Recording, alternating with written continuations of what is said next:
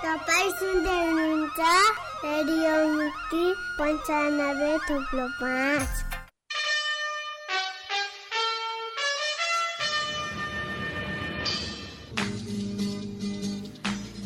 नमस्कार कार्यक्रम समय सन्दर्भमा यहाँलाई हार्दिक स्वागत छ। कार्यक्रमसँगै उपस्थित भएका छौँ। प्राविधिक साथी सीतासँगै म कार्यक्रम प्रस्तुता कल्पना तिवारी।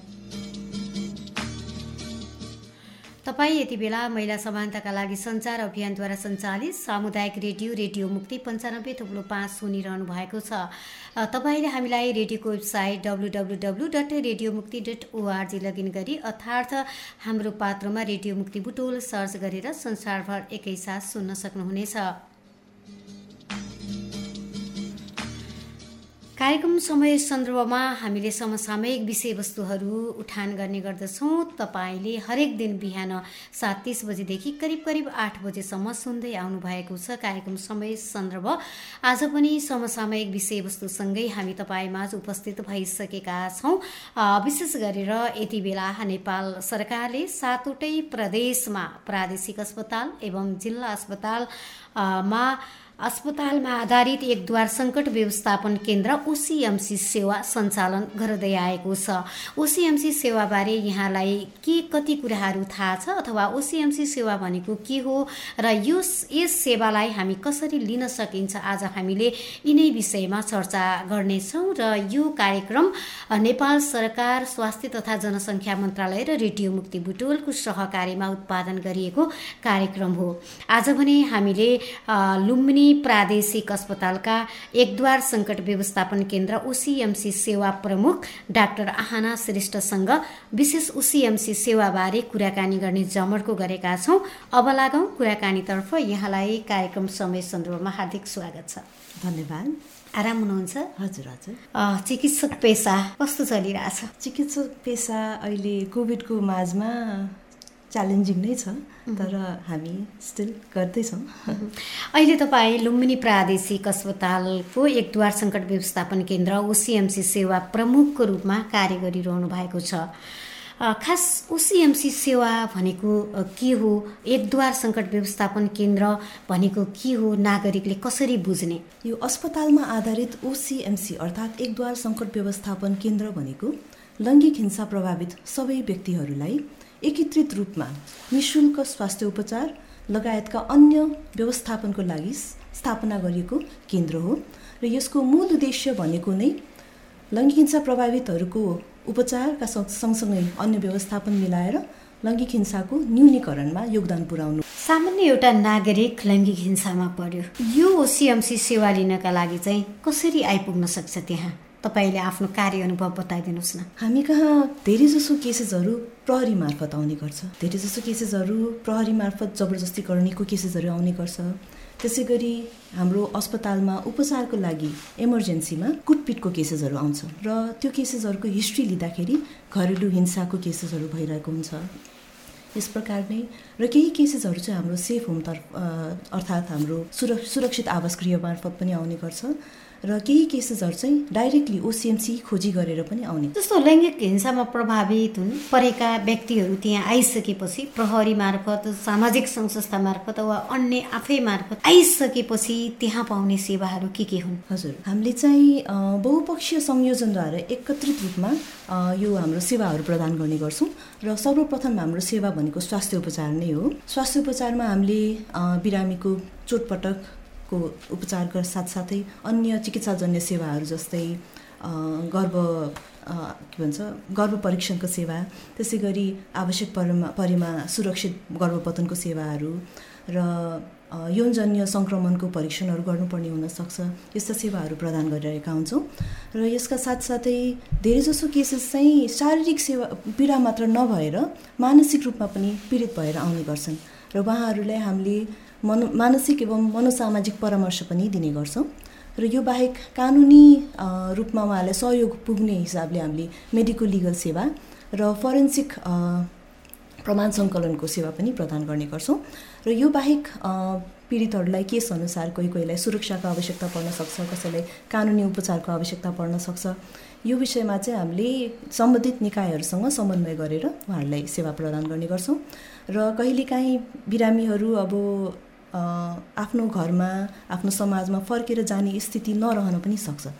त्यस्तो समयमा चाहिँ हामीले सुरक्षित आवास गृहमा उहाँहरूलाई आश्रयको व्यवस्था पनि मिलाउने गर्छौँ र आवश्यक परेमा पुनर्स्थापनाको लागि पनि हामीले अलिकति पहल गर्ने गर्छौँ। यहाँले चाहिँ सहज रूपमा धेरै सेवाहरू जुन एउटा लैङ्गिक हिंसा प्रभावित भइसकेपछि पीडित भइसकेपछि हाम्रो अस्पतालमा आधारित एक द्वार सङ्कट व्यवस्थापन केन्द्र ओसिएमसी सेवा लिन आउने व्यक्तिलाई दिने सेवाहरू भन्नुभयो। साँच्चै यहाँले भने जस्तै त्यहाँ आउने प्रभावितहरूले यी सबै खालका सेवा पाएका छन् त? हाम्रो सम्पर्कमा आउनुभएको जति पनि हामीले केसेसलाई सर्भाइभर भन्ने गर्छौँ किनभने उहाँहरूले समाजसँग आफ्नो परिवारसँग लडेर एउटा युद्ध जितेर हामी कहाँ आउनुभएको हुन्छ। र जति पनि सर्भाइभरहरू आउनु भएको छ उहाँहरूलाई हामीले यो सेवा दिएका छौँ। र हाम्रो फोकल पर्सन हामी सबै ओसिएमसीको स्टाफहरू उहाँहरूसँग नियमित फलोअपमा पनि बसिरहेका हुन्छौँ सम्पर्कमा बसिरहेका हुन्छौँ। तर जति केसेस हामी कहाँ आउनुभएको छ त्यो भनेको अङ्ग्रेजीमा भनिन्छ नि टिप अफ द आइसबर्ग भनेर। त्यही हिमशैलको एउटा चुचुरो मात्र हो। यो ठुलो समस्याको एउटा सानो अंश मात्रै हो। विकराल त्यो जुन मेन समस्या त को केसेसहरू त आउन हामी कहाँ अझ बाँकी नै छ। र उहाँहरू चाहिँ हामीसँग पुग्नलाई अलिकति सहज वातावरण बनोस् भन्ने हिसाबले हामीले अस्पतालमा मात्र सीमित नभएर अस्पताल बाहिर पनि केही कार्यक्रम सञ्चालन गरेका छौँ जस्तै हामीले प्रहरीलाई यो जेन्डर बेस भाइलेन्स यो लैङ्गिक हिंसा सम्बन्धी ओरिएन्टेसन प्रोग्रामहरू चलाएका छौँ। त्यसै गरी स्कुलका विद्यार्थीहरूमा पनि हामीले यो लैङ्गिक हिंसा सम्बन्धी जनचेतना जगमूलक कार्यक्रम र यदि यस्तो केसेस केही घटना घटिहाल्यो भने आफू वा आफ्नो वरिपरि कसैमा घटिहाल्यो भने ती बच्चाहरूले के गर्न सक्छन् त? कस कहाँ गएर मद्दत लिन सक्छन् त? यो विषयमा उहाँहरूलाई अलिकति जानकारीमूलक कार्यक्रम सञ्चालन गरेका छौँ। र यो बाहेक हामीले लिफलेट्सहरू पर्चाहरू पनि बाँड्ने गरेका छौँ। जस्तो यहाँले भन्नुभयो एउटा स्वास्थ्य उपचारका लागि त अस्पतालमा ठिकै पनि छ होइन? पाउनुहुन्छ। यो बाहेक जस्तो मनोपरामर्शका परामर्शका कुराहरू भए होइन? कानुनी उपचारका कुराहरू भए पुनर्स्थापनाका कुराहरू भए यो पनि सहजै पाउन सकिन्छ त? मनोपरामर्शका कुराहरू त पाउन सकिएला होइन? तर कानुनी उपचारका कुराहरूलाई कतिको असहजता छ के छ? अब हाम्रो अहिलेको सिचुएसनको बारे कुरा गर्नुपर्दाखेरि अनेस्टली भन्नुपर्दा मनोपरामर्शकर्ता पनि हामीसँग छैन ओसिएमसीमा हामीले बाहिरको संस्थाहरूबाट काउन्सिलरहरूलाई बोलाएर केसेस अनुसार बोलाएर हामीले काउन्सिलिङको सुविधा त्यसरी दिइरहेका छौँ। अस्पतालमा चाहिँ हामीसँग साइकेट्रिस्टहरू चाहिँ हुनुहुन्छ। उहाँहरूसँग चाहिँ हामीले कन्सल्ट गरेर मेडिकेसनहरू पनि दिने गरिरहेका छौँ। र यो बाहेक अब हाम्रो पुनर्स्थापनाको जुन कुरा गर्नुभयो यो चाहिँ हाम्रो प्रोग्राममा छ भन्ने कुरा त छ तर अहिलेसम्म हामीले यसलाई अप्लाई चाहिँ गर्ने सकेका छैनौँ। माहौल अझसम्म बनेको छैन भन्नुपर्ला भनेपछि यसरी सबै खालको सुविधाहरू दिन चाहिँ हामी अझै सकेका छैनौँ है। अनि पुनर्स्थापनाको कुराहरू पनि रह्यो होइन। आफ्नो परिवार भेटिने त परिवारमा पुनर्स्थापना हुनुहुन्छ सहजै भयो। तर कसैलाई त सेफ हाउस भनौँ न पुनर्स्थापना केन्द्र जुन एउटा सरकारले नै सञ्चालन गरेको अथवा सङ्घ संस्थाले सञ्चालन गरेको पुनर्स्थापना केन्द्रमा लैजानका लागि चाहिँ कतिको सहजता छ लुम्बिनी प्रदेशमा त मलाई ज्ञान भएसम्म हाम्रो सरकारी पुनर्स्थापना केन्द्र छैन। त्यसका लागि चाहिँ के गर्नुहुन्छ? कस्तो समस्याहरू छन्? हजुरले भन्नुभएको जस्तै हाम्रो प्रदेशमा पुनर्स्थापना केन्द्र भनेको छैन। त्यसैले हामीले केही बजेट हाम्रो ओसिएमसीको बजेटबाट केही रकम चाहिँ पुनर्स्थापनाको लागि भनेर छुट्याएका छौँ। र त्यस्तै आवश्यक परेको केसमा हामीले आफै नै अब सिलाइ बुनाइको केही ट्रेनिङ दिन मिल्छ कि होइन? त्यस्तैको लागि भनेर छुट्याएका छौँ। र केही महिना अगाडि मात्र हामीले हाम्रो मिटिङमा हाम्रो स्थानीय निकायहरूसँग पनि मिटिङ बसेका थियौँ र त्यति बेला पनि यो कुरा हामीले उठाएका थियौँ। र उहाँहरूले पनि यस्तो संस्था के भन्छ पुनर्स्थापना केन्द्र चाहिँ हाम्रो प्रदेशमा निर्माण हुनुपर्ने आवश्यकताको बारेमा कुरा चाहिँ गर्नुभएको थियो। अब भविष्यमा आशा गरौँ यस छिटै नै हाम्रो प्रदेशमा पनि पुनर्स्थापना केन्द्र स्थापना होस्। अहिले चाहिँ त्यस्तो जानै पर्ने केसहरू अथवा कतिको आउने गर्छन् केसहरू हेर्दाखेरि चाहिँ ओसिएमसी सेवा लिनकै लागि चाहिँ कतिजना आउनुहुन्छ? अझै थाहा पाए जस्तो लाग्छ कि लाग्दैन कि? तपाईँलाई त्यहाँ काम गरिरहँदाको अनुभव के छ? अहिलेसम्म जति केसेसहरू आउनुभएको छ प्रहरी मार्फत आउनुहुन्छ कि त इमर्जेन्सीको डाक्टर साहबहरूले हामी कहाँ पठाउनुहुन्छ। अब र जब हामी त्यो पीडितसँग कुरा गर्छौँ कानुनी रूपमा अगाडि बढौँ भन्ने जस्तो काउन्सिलिङतिर जान्छौँ उहाँहरू अलि हच्किनुहुन्छ कानुनी रूपमा अगाडि नबढौँ भन्ने इच्छा नै व्यक्त गर्नुहुन्छ। अहिले पनि यो समाज परिवारको इज्जत जाला भन्ने डर चाहिँ उहाँहरूलाई रहेको भन्ने कुरा हामीले महसुस गरेका छौँ। र यसको लागि पनि हामीले गोपनीयतालाई एकदम कायम गरेर उहाँहरूको समस्यालाई समाधान गर्ने पुरा कोसिस चाहिँ गरिरहेको हुन्छौँ। जस्तो अस्पतालमा आधारित एक दुवार सङ्कट प्रणाली जुन व्यवस्थापन होइन सेवा दिँदै गर्दाखेरि चाहिँ यो मनोपरामर्शको तालिम लिएको हुनुपर्छ संयोजक अथवा प्रमुख होइन त्यहाँ कार्य गर्ने यहाँले लिनुभएको छ कि छैन? अथवा त्यहाँ कसैले लिनुभएको छ कि हामीसँग छैन भन्नुभएको छ? के के आवश्यक रहेछ त अहिले तपाईँले त्यहाँ काम गरिरहँदा? अब यो मनो परामर्शकर्ताको यो जुन तालिम हुन्छ यो मैले ओसिएमसीमा काम गर्न थालेपछि बल्ल यसको बारेमा थाहा पाएँ र हामीसँग पाँच दिनको तालिम लिएको नर्सिङ स्टाफहरू त हुनुहुन्छ तर छ महिनाको तालिम लिएको स्टाफ चाहिँ हुनुहुन्न। अब आवश्यक चाहिँ छ महिना एकदम यसका लागि के गर्नु पर्यो? अस्पतालले अथवा सरोकार जुन निकायहरू हुन्छ होइन यहाँ चाहिँ प्रदेश सरकार सम्बन्धित मन्त्रालय छ स्थानीय तहका विभिन्न सम्बन्धित सामाजिक महाशाखाहरू छन् के गर्यो भने चाहिँ अथवा अब स्थानीय तहले उत्पादन गरेर दिने हो कि तपाईँ त एउटा अस्पतालमा संयोजकको रूपमा हेर्नुहुन्छ प्रमुखको रूपमा हेर्नुहुन्छ होइन? त्यो सँगसँगै अब त्यहाँको आवश्यकता के हो त? कसले सहकार्य गर्न सक्छन्? के के भयो भने चाहिँ हामीले साँच्चै यो ओसिएमसी सेवालाई चाहिँ प्रभावकारिता बनाउन सकिएला? अब यो मनोसामाजिक परामर्शकै कुरा गर्नु पर्दाखेरि चाहिँ यसमा तालिम प्राप्त अब हाम्रै स्वास्थ्य कर्मीहरूलाई नै हामीसँग भएकै जुन जनशक्ति हुनुहुन्छ उहाँहरूलाई नै हामीले तालिम दिन सक्यौँ भने अझ पनि राम्रो हुन्छ हाम्रो सर्भिस जस्तो लाग्छ मलाई। जस्तो स्थानीय तह सम्बन्धित प्रदेश होइन लगायतका विभिन्न प्रदेश सरकारका मन्त्रालयहरू विभिन्न सामाजिक सङ्घ संस्थाहरू पनि छन्। सबैको सहकार्य भयो भने यो सेवालाई कसरी प्रभावकारिता गराउन सकिएला भन्ने विषयमा हो। के के सहयोग गर्न सक्नुहुन्छ भन्ने कुरा। अब हाम्रो ओसिएमसी भनेको त यो के भन्छ बहु हाम्रो सबैतिरको एउटा सेन्टर कोअर्डिनेटरको रोलको रूपमा मात्र हामीले कार्यरत कार्य गर्ने काम गर्छौँ होइन? हाम्रो काम भनेको स्वास्थ्य उपचार दिने हो र विभिन्न निकायहरूसँग उहाँ हाम्रो पीडितलाई सम्पर्कमा ल्याइदिने हो होइन? र प्रदेश स्तरबाट चाहिँ मलाई के लाग्छ भन्दाखेरि विभिन्न कार्यक्रमहरू पनि सञ्चालन भइरहेकै छ विभिन्न निकायहरू यसमा लागिरहनु भएको छ।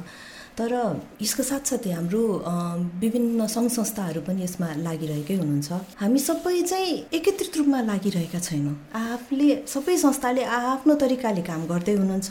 तर मै हाम्रो ओसिएमसीले गरेको कार्य हाम्रो ओसिएमसीमा को सम्पर्कमा आउनुभएको पीडितको समस्याहरूको बारेमा अन्य निकायलाई थाहा छैन। सो यो सबै विभिन्न सङ्घ संस्थाहरूलाई एक एउटै कमन प्लेटफर्ममा ल्याएर हामी सबैको कोअर्डिनेसनबाट एउटा प्लानिङ गरेर सिस्टमेटिक रूपमा हामीले यो कार्यक्रमलाई अगाडि बढ्न बढाउन सक्यौँ भने अझ प्रभावकारी हुन्छ जस्तो मलाई लाग्छ। जस्तो यहाँ ओसिएमसी सेवा एकद्वार सङ्कट व्यवस्थापन केन्द्रको प्रमुख भएर कार्य गरिरहँदाखेरि त्यहाँ आउने लैङ्गिक हिंसा प्रभावित होइन?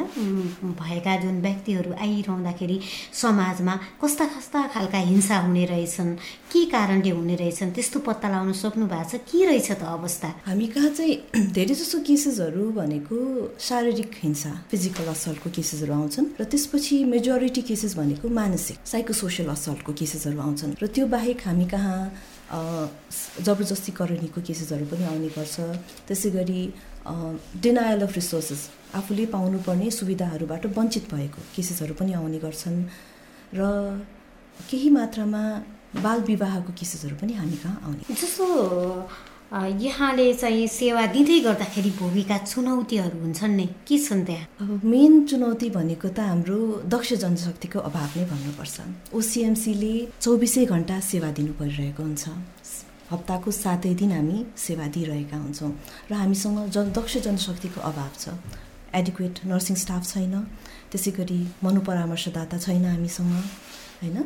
र त्यो बाहेक अन अर्को ठुलो समस्या भनेको चाहिँ स्वास्थ्य कर्मीहरूमा पनि जनचेतना यो स्वास्थ्य लैङ्गिक हिंसा सम्बन्धी चेतनाको कमी हुनु। कति केसेसहरू उहाँहरूको सम्पर्कमा आउँछन् तर त्यो केसलाई पहिचान गर्न नसकेको हुनाले उहाँहरू त्यो केस हामीबाट छुटेर जान सक्छ कुटपिटको केस अब श्रीमानले कुट्यो भन्न त गाह्रो हुन्छ उनलाई। त्यसैले उनी बाथरुममा चिप्लेर लडेको भनेर आउँछन्। त्यसपछि डाक्टर साहबले के गर्नुहुन्छ? मलमपट्टि गरिदिनुहुन्छ। तर त्यो चोटको प्रकृतिलाई हेरिदिनु हुँदैन। त्यो पहिचान गर्ने क्षमता चाहिँ त्यो ट्रेनिङ चाहिँ उहाँलाई नभएको कारणले। र त्यो के हुन्छ? त्यसपछि त्यो महिला फर्केर जानुहुन्छ। केही दिनपछि फेरि त्यही घटना दोहोरिन्छ फेरि आउँछन् उनी होइन? र त्यो बाहेक अर्को समस्या भनेको हाम्रो पीडितहरूको मौनता अघि नै भने जस्तै परिवारको समाजको इज्जत सबै हेरेर पीडित बोल्नै चाहनुहुन्न यो विषयमा सहेर बस्न बाध्य हुनुहुन्छ। र त्यही कारणले उहाँहरू हाम्रो हाम्रो सम्पर्कमा आउन सक्नु भएको छैन। आए पनि फलोअपको लागि रेगुलर उहाँहरू हाम्रो सम्पर्कमा आउन चाहनुहुन्न। यो हाम्रो एकदम ठुलो चुनौतीको रूपमा रहेको छ। जस्तो कारणहरू चाहिँ कहिलेकाहीँ त तपाईँ यसको प्रमुख जुन ओसिएमसी सेवाको प्रमुख हुँदै गर्दाखेरि पीडितसँग प्रत्यक्ष कुराकानी गर्नुहुन्छ त्यो पनि गोप्य रूपमा तपाईँसँग खुलेर कुरा गर्छन् उनीहरूले होइन? त्यो गर्दै गर्दाखेरि चाहिँ कारण के हुँदो रहेछ? त्यस्तो केही पत्ता लगाउन सक्नु भएको छ यहाँले कुरा गर्दै गर्दाखेरि? यो विषयमा मैले विगत डेढ वर्षदेखि अझ त्योभन्दा अगाडि मैले टिचिङबाट एमडी गर्दाखेरि तिन वर्ष भन्नको मतलब साढे चार वर्षदेखि यो विषय यो फिल्डमा लागिरहेको छु। र मलाई मूल कारण चाहिँ हाम्रो समाजको बनोट जस्तो लाग्छ हाम्रो पुरुष प्रधान समाज जुन भन्छौँ हामीले कहाँ कहाँ यही कारणको कारणले नै लैङ्गिक हिंसाले यस्तो विकराल रूप लिएको जस्तो मलाई लाग्छ। आर्थिक होला होइन? जस्तो शिक्षा लगायत दाइजो होला होइन? बाल विवाह होला के के कारणहरू छन्? अब यसको यो पुरुष प्रधान समाजकै कुरा गर्नु पर्दाखेरि अब यो हिंसा कहिले सुरु हुन्छ भन्दाखेरि बच्चा जब भ्रूण हुन्छ पेट आमाको पेटमा आउँछ त्यो बच्चा। त्यति बेला नै त्यो बच्चा छोरा हो कि छोरी हो भन्ने सेक्स आइडेन्टिफिकेसन गर्ने चलन थियो। अहिले पनि छ कति कति ठाउँमा तर त्यसको नियन्त्रणको लागि सरकारले नीति नियम पनि बनाएको पनि छ। र तर पनि अहिले पनि जब घरमा घर परिवारमा एउटा छोरीको जन्म हुन्छ छोराको जतिको हर्ष खुसी भनेको देखिँदैन। र अर्को कुरा के छ भन्दाखेरि हामीले छोरीलाई को पालन पोषण कसरी गरिरहेका छौँ? तपाईँ हाम्रो हामीले पनि त्यसरी नै नै हुर्के हुर्केको छौँ होइन? घरमा जब हाम्रो लागि खेलौना ल्याइन्छ छोरीको लागि गुडिया ल्याइन्छ भाँडाकुटी ल्याइन्छ छोराको लागि गाडी प्लेन जस्तो खेलाउन आउँछ। इन्डाइरेक्टली समाजले के भनिरहेको छ त? त्यो छोरीलाई त्यो सानो सा बालकको मस्तिष्कलाई तिमीले भनेको पछि गएर बच्चा पाउनु छ घर गृहस्थी सम्हाल्नु छ भनेर त्यसरी यो मेकअप भएको छ हाम्रो समाज। र पछि गएर अब महिला र पुरुष बिच भेदभावको त कुरै नगरौँ होइन? र कता कता मलाई यही पुरुष र महिला बिचको यो डिफ्रेन्स पावर डिफ्रेन्सको कारणले नै लैङ्गिक हिंसाले यस्तो विकराल रूप लिएको जस्तो लाग्छ। यो लैङ्गिक हिंसा घट्न नदिनका लागि चाहिँ हामीले गर्ने परिवर्तन के होला त? अब गर्नुपर्ने के होला? अब लैङ्गिक हिंसा हुन नदिनको लागि हामी सबै दक्ष जनशक्तिको आ आफ्नै रोलहरू हुन्छ। जस्तै म स्वास्थ्य कर्मी भएको नाताले मैले मेरो रोल खेल निर्वाह गर्छु। हजुर सञ्चारकर्मी हुनुहुन्छ हजुरले आफ्नो रोल निर्वाह गर्नुपर्छ। यसरी नै कानुनविदहरू हुनुहुन्छ सुरक्षाकर्मी हुनुहुन्छ हाम्रो स्थानीय निकायका कर्मचारीहरू हुनुहुन्छ। त्यसै हाम्रो समाजका शिक्षकवर्ग पनि हुनुहुन्छ। सबैले आ आफ्नो भूमिका खेल्नुपर्छ यो लैङ्गिक हिंसाको नियन्त्रणको लागि। र मेन कुरा भनेको चाहिँ समाजमा जनचेत। समाज जबसम्म पीडकलाई हिंसा गर्नबाट रोक्नको लागि समाज परिवार तयार हुँदैन तबसम्म यो लैङ्गिक हिंसाले रोक्न भनेको सम्भव हुँदैन। र हामी सबैले मिलेर यो जनचेतना जगाउने हरेक घर दैलोमा लैङ्गिक हिंसा भनेको के हो र यसलाई कसरी रोक्न सकिन्छ? हामी सबैको रोल के हुन्छ भयो भने के गर्ने? यो विषयमा हामीले कुराकानी जनमानस समक्ष पुर्याउनु एक अत्यन्त आवश्यक छ। जस्तो अब ओसिएमसी सेवाकै कुरा गरौँ न आज हामी चाहिँ खास गरी अस्पतालमा आधारित एक द्वार सङ्कट व्यवस्थापन केन्द्रको कुराकानी गरिरहेका छौँ भने ओसिएमसी यो सेवा चाहिँ छ भन्ने कुराहरू कति धेरैजनालाई थाहा छैन होइन? थाहा दिनका लागि चाहिँ तपाईँ एउटा यो सेवा ओसिएमसी सेवाको प्रमुख भएको नाताले पनि त्यस्ता खालका के गर्नुपर्दो रहेछ भन्ने खालको त्यस्तो खालको सूचकहरू केही बनाउनु भएको छ अथवा के आवश्यक छ त? हजुर। यो ओसिएमसी सम्बन्धी धेरै मानिसहरूलाई त थाहा नै छैन होइन? र यो जनचेतनामूलक कार्यक्रमहरू चाहिँ हामीले रेडियोमा अनलाइन प्लेटफर्ममा पनि यो यस सम्बन्धी जनचेतनामूलक कार्यक्रमहरू सञ्चालन गर्नुपर्छ। हजुरको यो कार्यक्रमले पनि हाम्रो लागि एउटा ठुलो मेसेजको रूपमा नै हाम्रो सञ्चारमूलक कार्यक्रम नै भनौँ यसलाई पनि होइन? त्यसै गरी हाम्रो प्रादेशिक लेभल एवं स्थानीय तहमा सबैतिरबाट चाहिँ यो ओसिएमसीको बारेमा जनचे आम मानिसहरूमा चाहिँ अवेरनेस प्रोग्रामहरू चाहिँ सञ्चालन गर्नुपर्ने आवश्यकता चाहिँ मैले देखेको छु। तपाईँ एउटा व्यक्ति महिला युवा होइन? सँगसँगै समाजको जुन लैङ्गिक हिंसा हुने प्रकृति अघि भन्नुभएको थियो नि यो यो कारणले चाहिँ होला भन्नुहुन्छ होइन? अब चाहिँ यसको परिवर्तनका लागि तपाईँले आफ्नो अठोट यो क्षेत्रमा कार्य गरिरहँदाखेरि चाहिँ के लिनुभएको छ? तपाईँको पेसा होइन? नर्सिङ पेसा छ डक्टर पेसा छ यसमा पनि लैङ्गिक हिंसा नि निवारणका लागि चाहिँ यहाँले गर्ने प्रयास के रहला सबभन्दा ठुलो भनेको यो मौनतालाई हामीले टुट टुट्नु टुटाउनु तोड्नु तोड्नुपर्छ सरी मौनतालाई हामीले टो तोड्नुपर्छ। ब्रेक द साइलेन्स भनेर भन्छौँ होइन? र मैले यो कार्य क्षेत्रमा कार्य गर्दाखेरि कस्तो कस्तो एकदम संवेदनशील केसेसहरू पनि हेर्नु परेको छ। जुन केसेसहरू हेर्दाखेरि मेरो आँखाबाट आँसु रोक्न सकेको थिएन मैले। र हामी सबैको यो जिम्मेवारी हो एउटा सुरक्षित समाज निर्माणको लागि। र यसको लागि चाहिँ हाम्रो समक्ष जति पनि केसेसहरू आउँछ त्यसलाई चाहिँ हामीले अटेन्सन दिनु पर्यो अझ सकेसम्म यसलाई कानुनी रूपमा अगाडि बढाउनु पर्यो। तब मात्र यी पीडकहरूको हिम्मत टुट्छ तब मात्र एउटा सुरक्षित निर् समाज निर्माण गर्न हामीले सक्छौँ। हामी अब कार्यक्रमको अन्त्यमा पनि आएका छौँ। विशेष गरी आज हामी लुम्बिनी प्रादेशिक अस्पतालमा एकद्वार सङ्कट व्यवस्थापन केन्द्र ओसिएमसी सेवाको बारेमा चर्चा गरिरहेका छौँ। अन्त्यमा श्रोताहरूलाई के भन्नुहुन्छ यहाँ प्रमुखको हिसाबले? हामी माझ कतिजना लैङ्गिक हिंसा पीडितहरूले यो कार्यक्रम सुन्दै आइरहनु भएको होला। उहाँहरू सबैलाई म के भन्न चाहनु चाहन्छु भन्दाखेरि तपाईँ एक्लै हुनुहुन्न। हिंसा सहेर नबसौँ। हामी ओसिएमसी लुम्बिनी प्रादेशिक अस्पताल एकदम तत्पर छौँ तपाईँको सेवाको लागि। हामी कहाँ आउनुहोस् हामीलाई तपाईँको सेवा गर्ने मौका प्रदान गर्नुहोस्। धन्यवाद। यहाँले व्यस्त समयका बावजुद हामीलाई यो ओसिएमसी सेवाबारे श्रोताहरूलाई जानकार हुने समय दिनुभयो। म लगायत रेडियो मुक्ति परिवारको तर्फबाट धेरै धेरै धन्यवाद। हजुर हजुरलाई पनि धेरै धेरै धन्यवाद।